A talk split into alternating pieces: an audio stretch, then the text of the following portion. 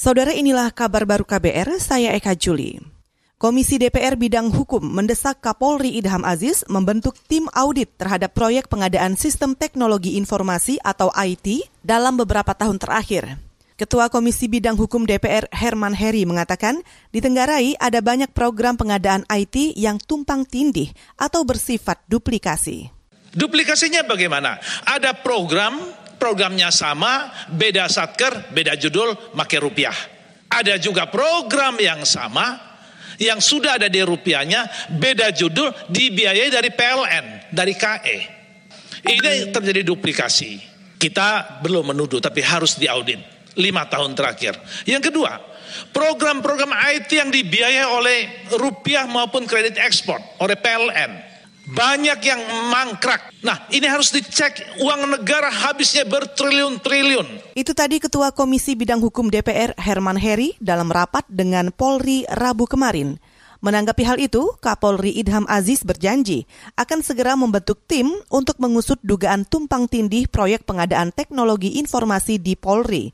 Idham mengatakan tim akan dipimpin Inspektur Pengawasan Umum Polri.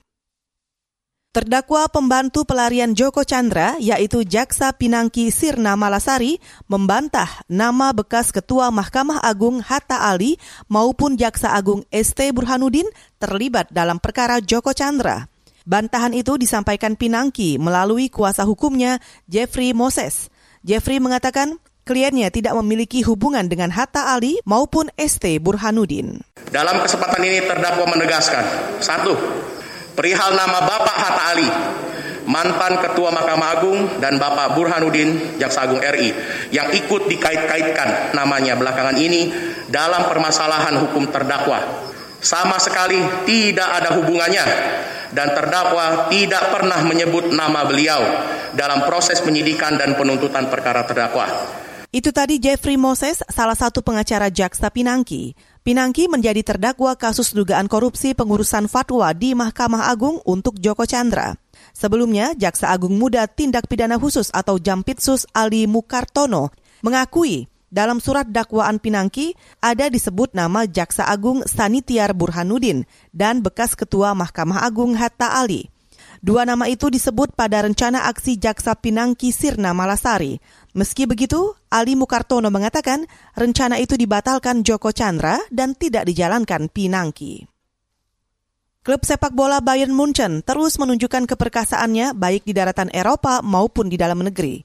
Mereka terus mengumpulkan berbagai piala kejuaraan. Terakhir, Bayern Munchen memenangi Piala Super Jerman 2020. Munchen menundukkan Borussia Dortmund dengan skor 3-2.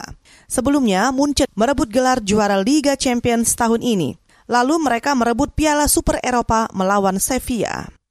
Saudara, demikian kabar baru. Saya Eka Juli.